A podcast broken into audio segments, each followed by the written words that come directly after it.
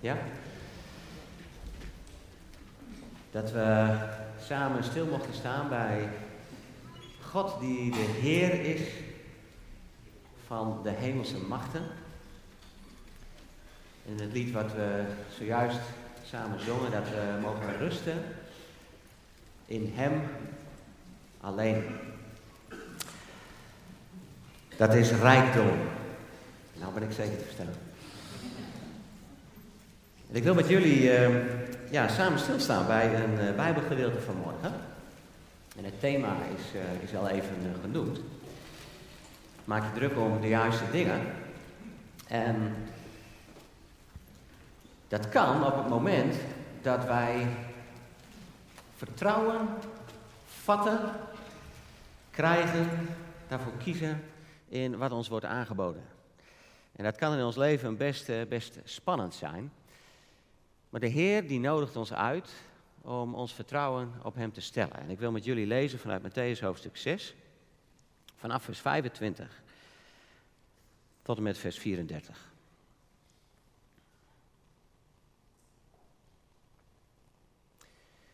Daarom zeg ik jullie, maak je geen zorgen over jezelf en over wat je zult eten of drinken. Nog over je lichaam en over wat je zult aantrekken. Is het leven niet meer dan voedsel en het lichaam niet meer dan kleding? Kijk naar de vogels in de lucht. Ze zaaien niet en oogsten niet en vullen geen voorraadschuren. Het is jullie hemelse Vader die ze voedt. Zijn jullie niet meer waard dan zij? Wie van jullie kan door zich zorgen te maken ook maar één L aan zijn levensduur toevoegen? En wat maken jullie je zorgen over kleding? Kijk eens naar de lelies. Kijk hoe ze groeien in het veld. Ze werken niet en weven niet.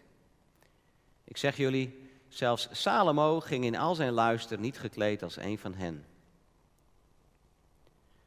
Als God het groen dat vandaag nog op het veld staat en morgen in de oven gegooid wordt, al met zoveel zorg kleedt, met hoeveel meer zorg zal Hij jullie dan niet kleden, kleingelovigen? Vraag je dus niet bezorgd af, wat zullen we eten of wat zullen we drinken of waarmee zullen we ons kleden? Dat zijn allemaal dingen die de heidenen najagen. Jullie hemelse Vader weet wel dat jullie dat alles nodig hebben. Zoek liever eerst het koninkrijk van God en zijn gerechtigheid. Dan zullen al die andere dingen je erbij gegeven worden. Maak je dus geen zorgen voor de dag van morgen. De dag van morgen zorgt wel voor zichzelf. Elke dag heeft genoeg aan zijn eigen last. Tot zover dit schriftgedeelte. Het is fijn om vanmorgen zo bij jullie te mogen zijn en met elkaar hierover na te mogen denken. Op een bijzondere dag, de zondag, de eerste dag van de week, na een bijzondere week. Want dat was het deze week. Ik weet niet of jullie dat, uh, dat hebben meegekregen. Maar het was deze week de week van de werkstress. Had je het meegekregen? Er zijn mensen, ja, eh, de werkstress of die week van de werkstress? De week van de werkstress. Nou, ik, ik, er zijn overal dagen voor tegenwoordig. Uh, ik, ik, wist niet, ik wist niet dat je dat inmiddels ook hebt. Maar altijd goed natuurlijk om uh, daarbij stil te staan. En dan lees je en dan hoor je daarvan. En van onderzoeken dat wij te maken hebben met, met stress op ons werk. Wat, uh, wat oorzaken daarvan zijn. wat je daaraan kan doen. Nou, allemaal heel interessant. en wat ik wel opmerkelijk vond, dat was dat ik in de krant ook een artikel las over mensen die ervoor pleiten en zeiden dat wij toch het recht hebben om niet bereikbaar te zijn. We hebben het recht om niet bereikbaar te zijn. En dat is toch wel boeiend, hè? Wij, uh, ze hebben zo hard ons best gedaan om een 24 uur economie te krijgen. 24-7. bezig met van alles. De winkels moeten altijd open. Moeten altijd alles kunnen doen, alles ter hand hebben. En nou zijn we terechtgekomen in een situatie waarin we opkomen voor het recht om niet bereikbaar te hoeven zijn. Nou, het, is, het, is, het is ook wel te begrijpen, want inderdaad voor sommige bedrijven, eh, dan wordt er toch wel van jou verwacht dat je eigenlijk ook dus na werktijd gewoon bereikbaar bent. Nu, wij mensen zoeken onze weg in het vormgeven aan ons eigen leven. Mag ik het zo zeggen? Ik, ik, ik, ik was er toch wel even door verrast en verbaasd. En ik denk van ja, dan maken we ons van God los. En God geeft ons ook die mogelijkheid om Hem los te laten in de vrijheid die we hebben. En toch komen we dan vroeg of laat, lopen we met onze neus tegen de muur. En dan werkt het toch niet helemaal als we dan bijvoorbeeld een rustdag in de week uh, loslaten. Werkstress. Nu, Jezus spreekt in dit gedeelte, en dan zegt hij eh, over die vragen van wat zullen we drinken, wat zullen we eten, waarmee zullen, zullen we ons kleden. Dat zijn allemaal dingen die de heidenen najagen, zegt Jezus. Nou, werkstress, dat zal ook wel alleen een kwestie zijn van de heidenen, hè? Toch? Heiligen hier van de fontein. Of hebben wij ook te maken met werkstress? Nou, troost je, troost je. Als Jezus niet wist dat de kinderen van God in zijn tijd daar ook mee te maken hadden, had hij niet dit onderwijs gegeven. Blijkbaar is het belangrijk dat wij bepaald worden bij de dingen waar wij zo druk mee kunnen zijn. En in de bergreden heeft de Heer Jezus daar wat over te zeggen. Lieve mensen, alsjeblieft, het woord van God is de gebruiksaanwijzing voor ons leven. Doe ermee wat je wilt, maar heb wel in de gaten dat als jij ervoor kiest om je niet volgens die, door die principes te laten leiden, dat je dus een groot risico loopt, dat het in jouw leven niet zo werkt zoals jouw maker het heeft bedacht. Het staat jou helemaal vrij om metaal in de magnetron te doen, maar wees er niet verbaasd als er iets misgaat. En zeg dan vooral niet dat de maker van die magnetronoven dat toch helemaal verkeerd heeft gedaan. God spreekt woorden van leven die wij mogen omarmen. Dat mag. Hij wil ons niet dwars zitten. Hij weet gewoon wat het beste werkt voor ons leven. En dat is wat Jezus hier naar voren brengt. En dus, prima dat je je druk maakt, maar maak je dan wel druk om de juiste dingen. Die onze Heer en heel Meester ons meegeeft. Waar gaat het hier over? Het gaat over iets heel dagelijks. Iets heel dagelijks. Wat zal ik eten? Wat zal ik drinken? Waarmee zal ik mij kleden? Is het gek dat je die vragen stelt? Nee, natuurlijk niet. Dat kun je maar beter doen. Want het is nou eenmaal zo dat ons leven werkt als wij dagelijks wat in onze aardse tent stoppen. En het liefst wat gezonds. En dat dat er dan ook is. Het is maar beter dat je genoeg drinkt. Vooral veel water, horen wij. Dat je dat doet dagelijks, dat je daar ook op let. Dat is goed voor je lijf. Het is wel verstandig dat je je ook goed kleedt. Vanmorgen voor het eerst weer mijn ruiten gekrapt. En onderweg hier naartoe was het onder nul. Het is maar beter dat je dan toch een jas aan doet waar je wat aan hebt. Met andere woorden, niks mis met het je bezighouden met die vraag van oké, hoe doe ik dat? Eten, drinken en mezelf kleden. Alleen wat kan er gebeuren? Het kan gebeuren dat dat jou zo bezig gaat houden,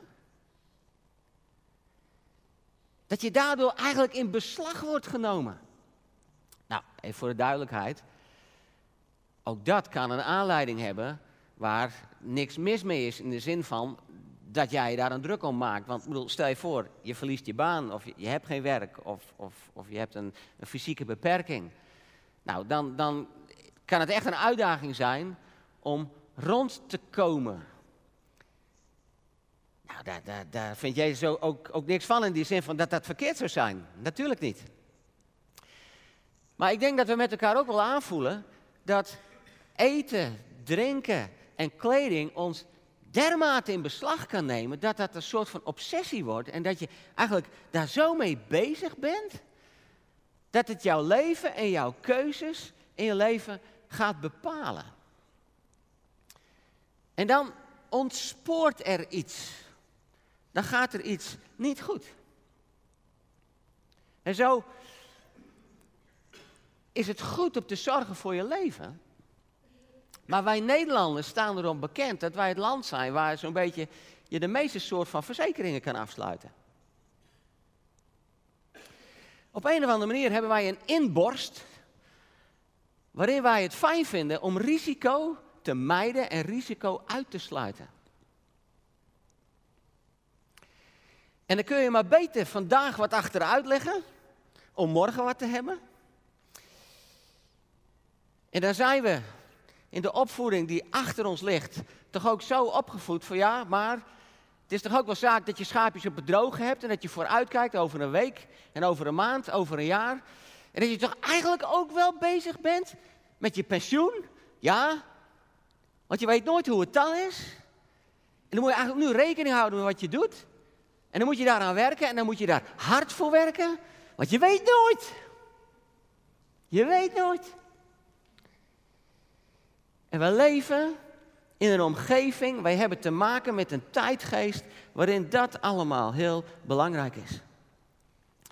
En we zijn als mensen, als burgers van dit land daar gevoelig voor. Zo, zo, zo kun je groot worden. Met die zorg om het ook voor elkaar te hebben dan, want je weet nooit wat er gebeurt. Ja, en dan leven we ook nog in een tijd waarin we te maken hebben met FOMO. FOMO. F-O-M-O. Zijn er mensen die dat begrip kennen?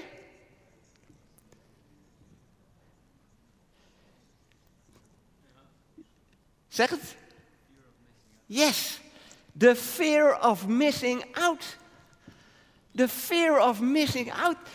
Stel je toch eens voor, zeg. Stel je toch eens voor dat ik wat mis. We hebben social media. Facebook, nou, dat gaat er een beetje uit, hè? Instagram. Veel meer, jongere generatie. ik zit nog op Facebook. Ik doe nog steeds mijn best om alle verjaardagen bij te houden. Mijn jongste dochter zegt al, nee, het gaat om Instagram. Daar doe je dat nu. En wat gebeurt er? Ja, eigenlijk hebben we het idee van we moeten bij zijn aan alles wat er gebeurt en wat er wordt gecommuniceerd. En als je niet mee bent daarin, ja, dan, dan, dan loop je dus het risico dat je iets mist. En dan moet je eigenlijk wel stevig in je schoenen staan om daarmee om te kunnen gaan. Want daar wordt over gesproken, over zulke dingen. Dingen komen in het nieuws. Heb je dit al gezien? Nee, ik heb het niet gezien. Heb jij dat niet gezien? Heel belangrijk vandaag de dag. Heel belangrijk om mee te zijn. En dan komt daar dus iets bij kijken dat je vanuit de groep eigenlijk merkt dat er wordt verwacht dat je mee bent, dat je meegaat. En jou kan het gevoel bekruipen als je daar niet mee bent dat je er niet bij hoort. Want dat kan weer terugslaan op onze identiteit. Waarin we aanvaard worden, erbij horen op voorwaarden. Dan moet je wel mee zijn. Dat betekent dus wel dat ik eigenlijk mijn smartphone constant aan moet hebben. Want stel je voor ik wat mis. Dan kan ik niet meepraten en dat straalt dan niet zo gunstig op Jaap Ketelaar af. Dus daar moet ik dan wel mijn best voor doen. En waar is het gevolg? Onrust. Pling! Of welke ringtone of melding je ook hebt. Pling!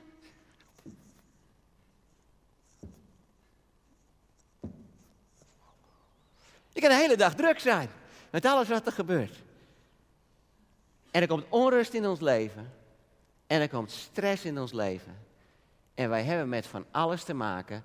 Allemaal drivers, prikkels, impulsen, waardoor wij ons laten leven.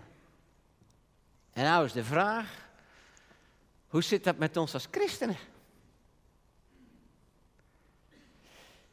Bestaat ons leven er ook in om bezig te zijn met die dingen die in de wereld van belang zijn? Die op een bepaalde manier voor ons ook van belang zijn. Het, het zijn randvoorwaarden. Maar dat wij ook door kunnen schieten in het zo gefocust zijn op al die zaken. Dat wij er onrustig van worden en dat ons leven daar eigenlijk door geleid wordt. Nou, lieve mensen, ik ga ervan uit dat ik niet de enige ben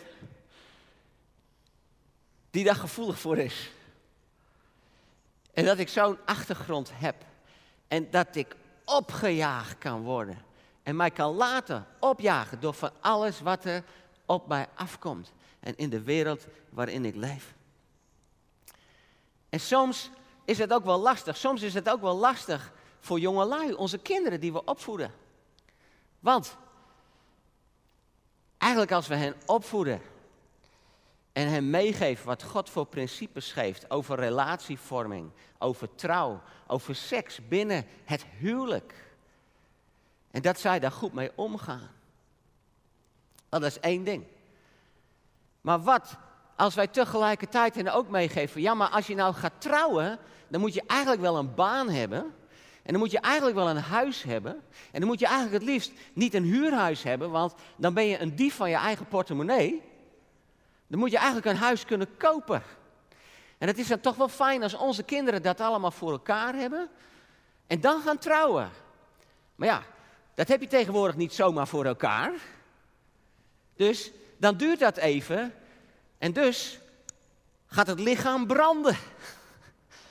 En wordt het heel lastig om je lichaam ook rein te bewaren voor elkaar. Als je pas kan trouwen op het moment dat je al die andere zaken voor elkaar hebt. Eens of niet? Hoe kan dat nou? Alexander en ik zijn er voor weggekomen, want wij waren studenten. Dan mag je trouwen terwijl je geen rode cent hebt.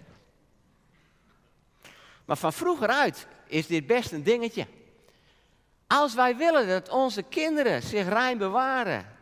En ze zeggen vervolgens, als ze 20, 21 zijn, van joh, anderen gaan samenwonen, ik wil trouwen. Zijn wij dan blij? Als we kijken naar hoe wij ons leven leiden qua opleiding. je moet het hoogste, de hoogste opleiding hebben. ik ben begonnen met de MAVO. Oh, dat, dat, is dan toch wel, uh, ja, MAVO. Als je HAVO kan doen.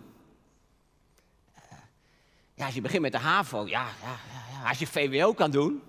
Ja, en als je dan VWO hebt en, en je bent wat meer een, een, iemand met de handen, ja, dan is het toch wel jammer dat je eigenlijk niet naar de universiteit gaat. En dat je dan zeg maar wat meer een vakopleiding doet.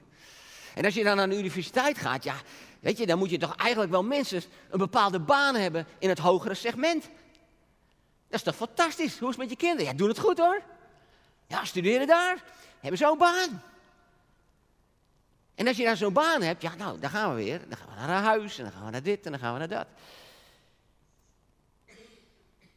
Waar gaan ook wij van uit in levenspad. En hoe zit het daarin bijvoorbeeld met Gods plan met ons?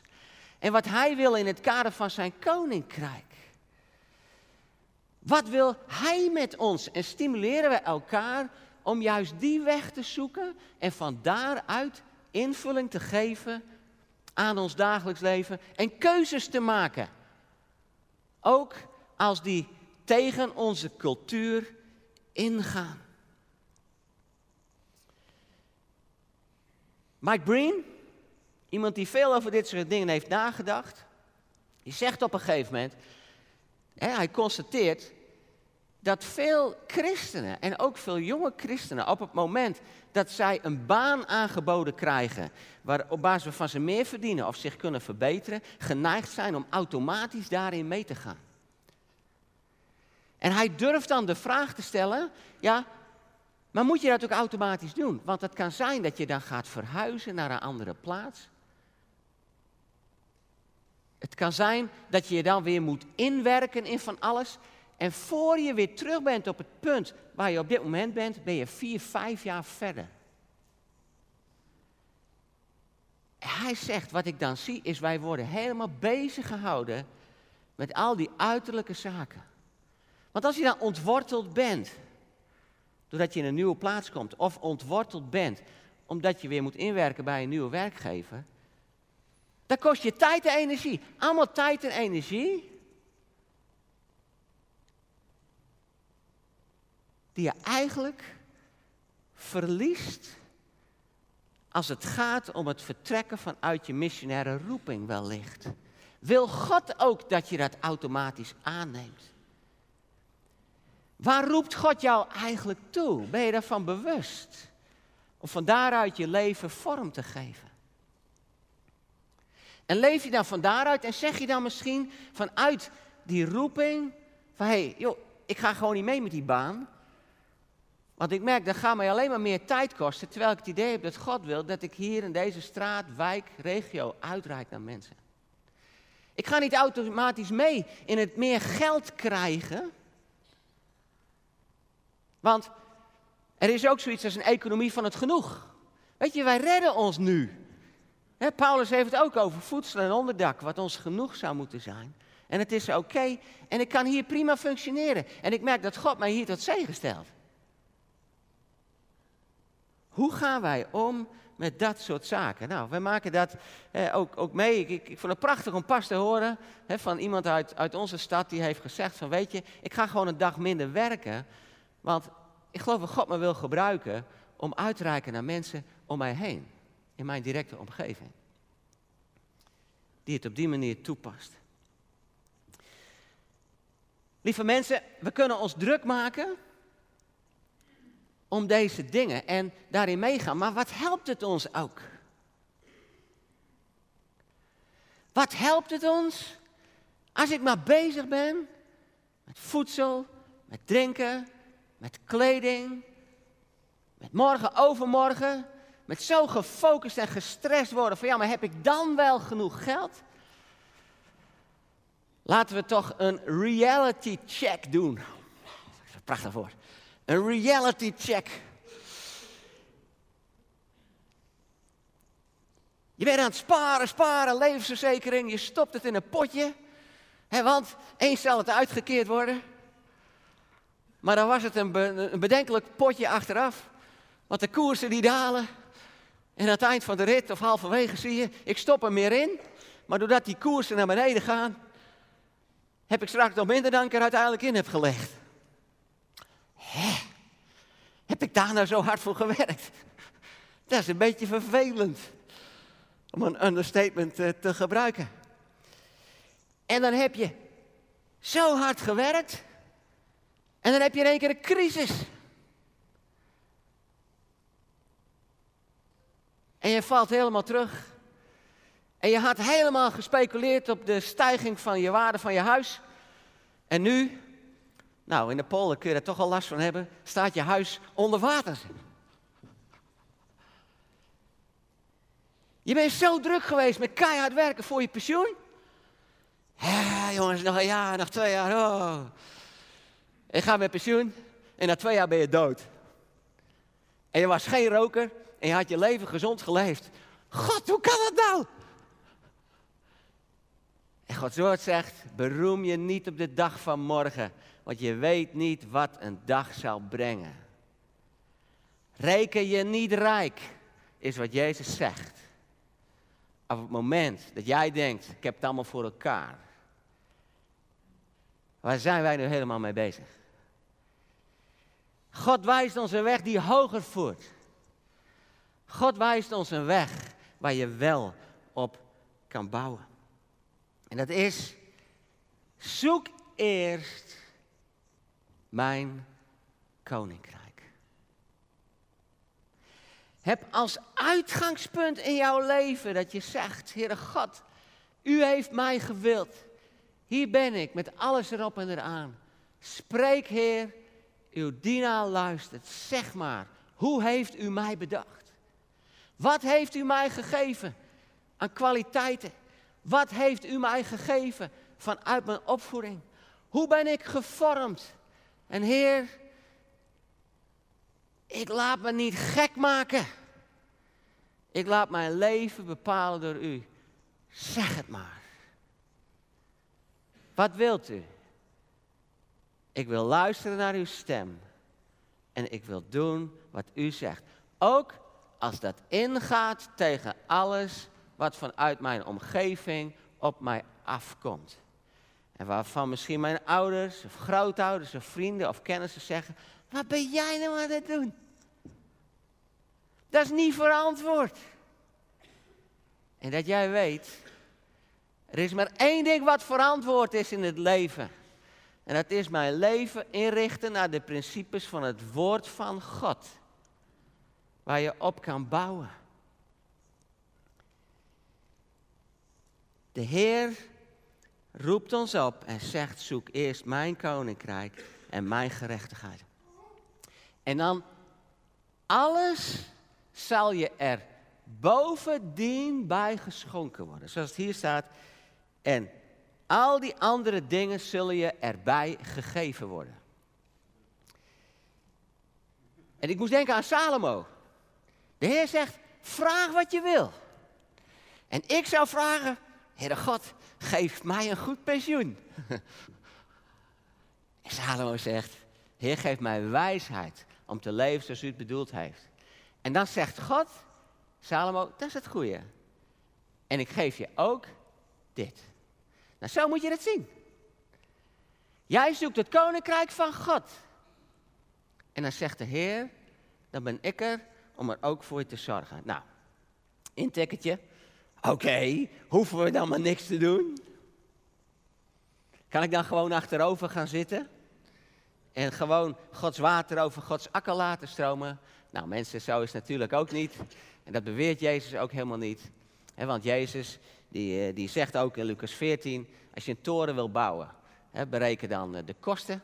Als je wil optrekken met een leger, nou, schat dan in hoe de situatie is. Als ik denk aan wat Paulus zegt in 2 Korinthe 11, vers 28. Hij was ook druk met de zorg voor de gemeenten. Dus niks mis mee. Handen uit de mouwen en je aandeel leveren. zo wordt het ook nog een keer in de Thessalonicense brief naar voren gebracht. Wij zijn ook geroepen om te werken. En dat is ook heel mooi om, uh, om te werken. Maar de kunst is te weten dat uiteindelijk alles in de hand van God is.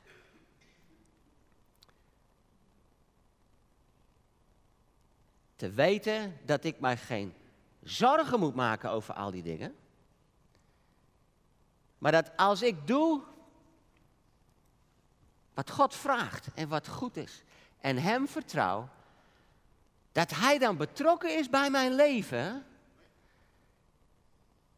en mij ook wil helpen en wil voorzien in alles wat ik nodig heb. Waarbij wij in onze individualistische cultuur hier in Nederland ook de uitdaging mogen ontdekken van wat het betekent om als een gemeenschap voor elkaar te zorgen. In tijden van moeite en van verdriet. En dat we met elkaar ook door moeilijke fases en periodes, misschien in een werkloos tijdperk, heen kunnen gaan. Ook dat is de hand van God op onze schouder door je broer en je zus heen. Mensen, God heeft alles in de hand. Je kan een crisis meemaken. De aandelen kunnen kelderen. Als jij een jaar geleden nog dolgelukkig was omdat de bitcoin stond op 20.000 dollar. En deze week moet horen dat hij nu op 5.000 staat. Dan ben je niet blij. Hemelse bitcoins. Daar gaat het om. Investeren in Gods principes en Hem vertrouwen. Dat Hij de Heer is die jouw leven leidt. In Psalm 55, vers 23 staat: Leg uw last op de Heer en hij zal u steunen. Nooit zal hij dulden dat de rechtvaardige ten val komt. Als ik met jullie kijk naar Filippenzen hoofdstuk 4, Filippenzen hoofdstuk 4. Dan staat er in vers 6, de Heer is nabij, wees over niets bezorgd. Maar vraag God wat u nodig hebt en dank Hem in al uw gebeden. De Filippenzen pasten daartoe door veel geld voor ondersteuning naar Paulus te geven. En wat zegt Paulus dan in vers 18? Nu is alles mij vergoed en heb ik zelfs meer ontvangen, veel meer ontvangen. Mij ontbreekt niets dankzij de gaven die Epaphroditus namens u heeft gebracht. Ze zijn een geurig en aangenaam offer dat God behaagt. Mijn God zal uit de overvloed van zijn majesteit elk tekort van u aanvullen door Christus Jezus. Het is geen welvaartsevangelie, want we kunnen door moeilijke tijden heen gaan. Maar God is een God die wil voorzien. En zoals ik zei, ook door de gemeenschap van gelovigen heen, dat we elkaar mogen ondersteunen. En zoals vanmorgen wij ook zijn opgeroepen in de mededeling om onze missionaire werkers te ondersteunen. Dat is een roeping waar we samen voor staan. Samen God vertrouwen, ieder persoonlijk. Van te zoeken naar wat Gods plan is met jouw leven. En dan doet de een dit en doet de ander dat. En dan gaan we samen onderweg. En dan mogen wij ook een soort van alternatieve economie met elkaar ook vormen. Waarin we elkaar ondersteunen. Hoe weet je nou zeker dat dit werkt? Dat jij zegt, nou, Heer, wat wilt u dan? En als u dan wat van mij vraagt, dat ik dat dan ook echt ga doen. Misschien staan er keuzes qua opleiding, qua carrièreperspectief.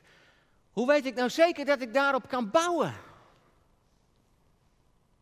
Dat wil ik heel graag weten. Is daar een verzekering voor? Daar is een verzekering voor. er is iemand gekomen, de Zoon van God, die het hart van de Vader openbaarde. En die hier spreekt. Lieve mensen. Als God de schepper zorgt voor de vogeltjes en voor de natuur, voor de planten.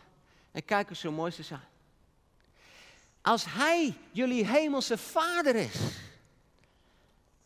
denk je dan? Dat als jij zegt, ik geef dit perspectief waarin ik veel meer geld kan verdienen op, omdat ik geloof dat God mij op deze plaats roept, roept dat Hij je dan laat zitten. Als Hij jouw vader is. Als jij zegt, ik ga een dag of twee dagen minder werken, want eigenlijk kan dat wel om te ontdekken wat God met mijn leven wil. Misschien in mijn omgeving of, of, of om een missionaire organisatie te ondersteunen of, of wat dan ook. Denk je dan dat God jou laat zitten? Wij hebben een hemelse vader. Een hemelse papa. Papa. Heer van de hemelse legers, van de hemelse machten. Die jou, die mijn vader is geworden. En die God heeft alles in zijn hand. In Lucas 12 het gedeelte waar Lucas dit onderwijs van Jezus weergeeft, daar zegt Lucas in uh, Lucas 12, vers 32, daar zegt de Heer Jezus, vrees niet, kleine kudde, want jullie vader heeft jullie het koninkrijk willen schenken. Wij hebben een borg, een borg. Niet in een verzekeringspolis, wij hebben een borg in het feit dat God zich heeft geopenbaard als hemelse vader. Als onze papa. Wij hadden een aantal weken geleden, Alexander en ik, onze kleinzoon Joa te logeren. David-Jan en Tirza, onze, onze Tirza oudste dochter, die hebben uh, inmiddels twee jongetjes. Uh, Joa is de oudste en die was bij ons. Nou, dat is altijd spannend hoe dat gaat en zo. He, als grootouders, dan eh, merk je ook weer van, oh ja, zo was het ook. In alles, in alle drukte. En s'nachts, toen schoot opeens Joa wakker. En, eh, en ik, hoorde, ik hoorde dat. Het was, oh, ik denk dat hij een nare droom had of zo. En weet je wat me zo raakte? Joa schrok wakker en het eerste wat hij riep was, papa! Papa! En dan zo'n zo'n zo'n krijs van een kind wat echt in paniek is. Die zegt, papa! Nou, ik kon wel janken. Toen ik in mijn bed lag. Echt waar. Dat ging er bij mij echt in. En ik was natuurlijk zo ongelooflijk blij. Ik denk, oh god, wat is dit mooi. Ja, helemaal niet mooi, die jongen die was bang. Maar wat is dit mooi. Dat in je nood, dat je uitschreeuwt naar je papa. Nou, toen bleek het redelijk snel over te zijn. Volgende dag ging ik met hem op zijn loopfietsje ging ik even door de wijk. Dat vindt hij leuk. Met oma of opa. Dus we gingen zo eh, door die wijk. En toen merkte ik dat hij bang is voor honden. Echt, dat vindt hij echt niet leuk. En toen dacht ik van, nou moet ik wel dat vaderschap van David Jan, mijn schoonzoon, moet ik natuurlijk wel gaan, uh, gaan bevestigen ook. Hè? Dus wat deed ik? Wat deed ik? Ik ging op mijn knieën bij hem toen er een hond aankwam. Ik zei, Joa, ik ben bij je man, ik ben bij je, kom goed. En ik keek zo boos als ik kon naar die eigenaar van die hond. Wegwezen hier. Opzouten. Want dat was mijn kleinzoon. Hè? En die laat natuurlijk niet zo zitten. Nou, weet je wat Jezus op een gegeven moment zegt? Als jij, Jaap Ketelaar, dat kan bedenken, hoeveel te meer zal ik als hemelse vader niet zo voor je zorgen? En lieve mensen, mag ik jullie, mag ik jou in mijn eigen vertrouwen versterken dat als je het met de Heer waagt door te leven naar de regels van zijn koninkrijk, dat eerste zoeken en zijn gerechtigheid, zijn plan, dat hij jou niet laat zitten. Dat doet hij niet. Dat is precies wat Jezus hier wil zeggen. En dat is wat hij naar voren wil brengen. Ik wil uit de message dat is een weergave van Gods woord door Eugene Peterson. Uh, zijn weergave van dit gedeelte, dat, dat, dat, vond ik zo prachtig toen, toen ik dat las. Ik lees het voor en ik vertaal het. Over, over wat Jezus nou eigenlijk wil zeggen. Hij zegt, what I am trying to do here is to get you to relax. Dus wat ik probeer hier, is dan wat Jezus zegt, is jullie tot ontspanning te krijgen. To not be so preoccupied with getting, so you can respond to God's giving. En door niet zo bezig te zijn met wat kan ik krijgen, zodat je antwoord kan geven op wat God je wil geven. People who don't know God and the way He works fuss over these things. But you know both God and how He works. dus mensen die, die God niet kennen, die maken zich hier druk om. Maar jullie kennen toch God en hoe Hij werkt? En dan zegt Hij, steep your life, dus verdiep je leven in God reality. In Gods werkelijkheid. In God initiative. In Gods initiatief. In God provisions. Dat Hij voorziet. Don't worry about missing out. Maak je geen zorgen over missing out. You'll find all your everyday human concerns will be met. Je zult merken dat God echt gaat voorzien in je dagelijkse noden. En dat is de uitdaging waar, waar God ons samen voor plaatst. En dat is wat ik jullie wil meegeven. Wij dienen een koning die ons, die jou uitnodigt om Hem te vertrouwen. Na te gaan. Heer, waar roept u mij toe? Wat wilt u? Wat betekent dat voor mijn leven? En ik wil me niet laten leven door de tijdgeest.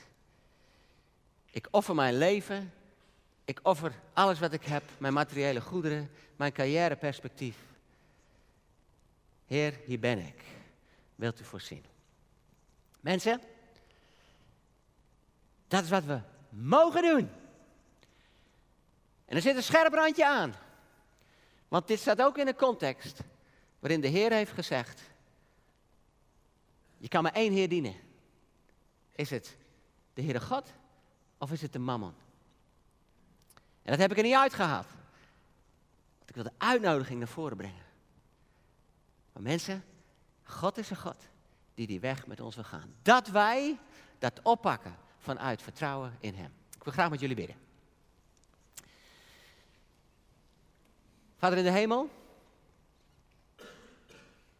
we komen tot u.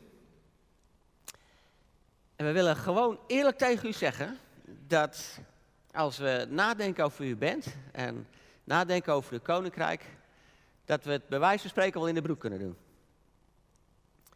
Als we ons realiseren dat dat gewoon echt een effect kan hebben op ons leven. Heer, u bent een God die wat van ons vraagt. Maar wat is het dan mooi dat zoals we met elkaar mochten zien in dit gedeelte, dat u verder wil gaan dan dat, verder wil gaan dan die uitdaging en het ons ervoor zetten. Dat dit is wat u echt van ons vraagt, dat u ons uitnodigt. Gewoon om ons vertrouwen op u te stellen, in u als onze hemelse Vader. En eigenlijk weten we ook wel dat dat het is en dat het zo werkt. Wilt u ons helpen om onszelf, om, om, om ons druk te maken om de dingen die juist zijn? En dan niet al die dingen die wij vroeger uit misschien hebben meegekregen of vanuit de wereld om ons heen. Maar dat we ons druk maken om u, uw rijk en uw gerechtigheid, uw plan. En dat u dan zegt, en dan zal ik je alles ook geven. Vader, help ons. Help ons. Om vanuit dat vertrouwen zo eerlijk te zijn. En dan ons leven voor u neer te leggen en te zeggen, Heer, spreek maar. Uw knecht luistert. Ik ben bereid om heel mijn leven zo voor u neer te leggen. En u mag zeggen waar ik wat mee mag doen. Wat ik juist wel mag doen. Wat ik misschien mee mag stoppen. We willen uw kinderen zijn, Heer. En we vinden het soms echt lastig in de wereld waarin we leven. Om niet mee te gaan in die zorgen, om dingen te missen en om ons leven in te richten naar, naar uw koninkrijk. We danken wel dat we van binnen weten, en we willen het ook geloven, en we willen daar ook naar leven. Dat als we ja, u vertrouwen, dat u dan echt zult voorzien. Dank u wel dat u die hemelse vader bent. Die net zoals wij voor onze kinderen en kleinkinderen willen zorgen. Dat u zegt, zo wil ik er ook voor jou zijn. Help ons ook gezamenlijk om daarin met elkaar op te trekken. En ook die zorg van u ook voor elkaar te hebben. Dat we dat ook als een gemeenschap mogen doen. Dat, dat dit soort dingen ook, ook bespreekbaar worden in ons midden. En bouw dan uw koninkrijk. Hier, vanuit de fontein in Emmeloord. Vanuit Emmeloord in de polder. En zo verder. Ook als we al die mensen hebben gezien die we mogen uitzenden als missionaire werkers. Heer, dank dat u ons zo wil zegenen, opdat we tot een zegen zijn. Leid ons daarin, in Jezus' naam.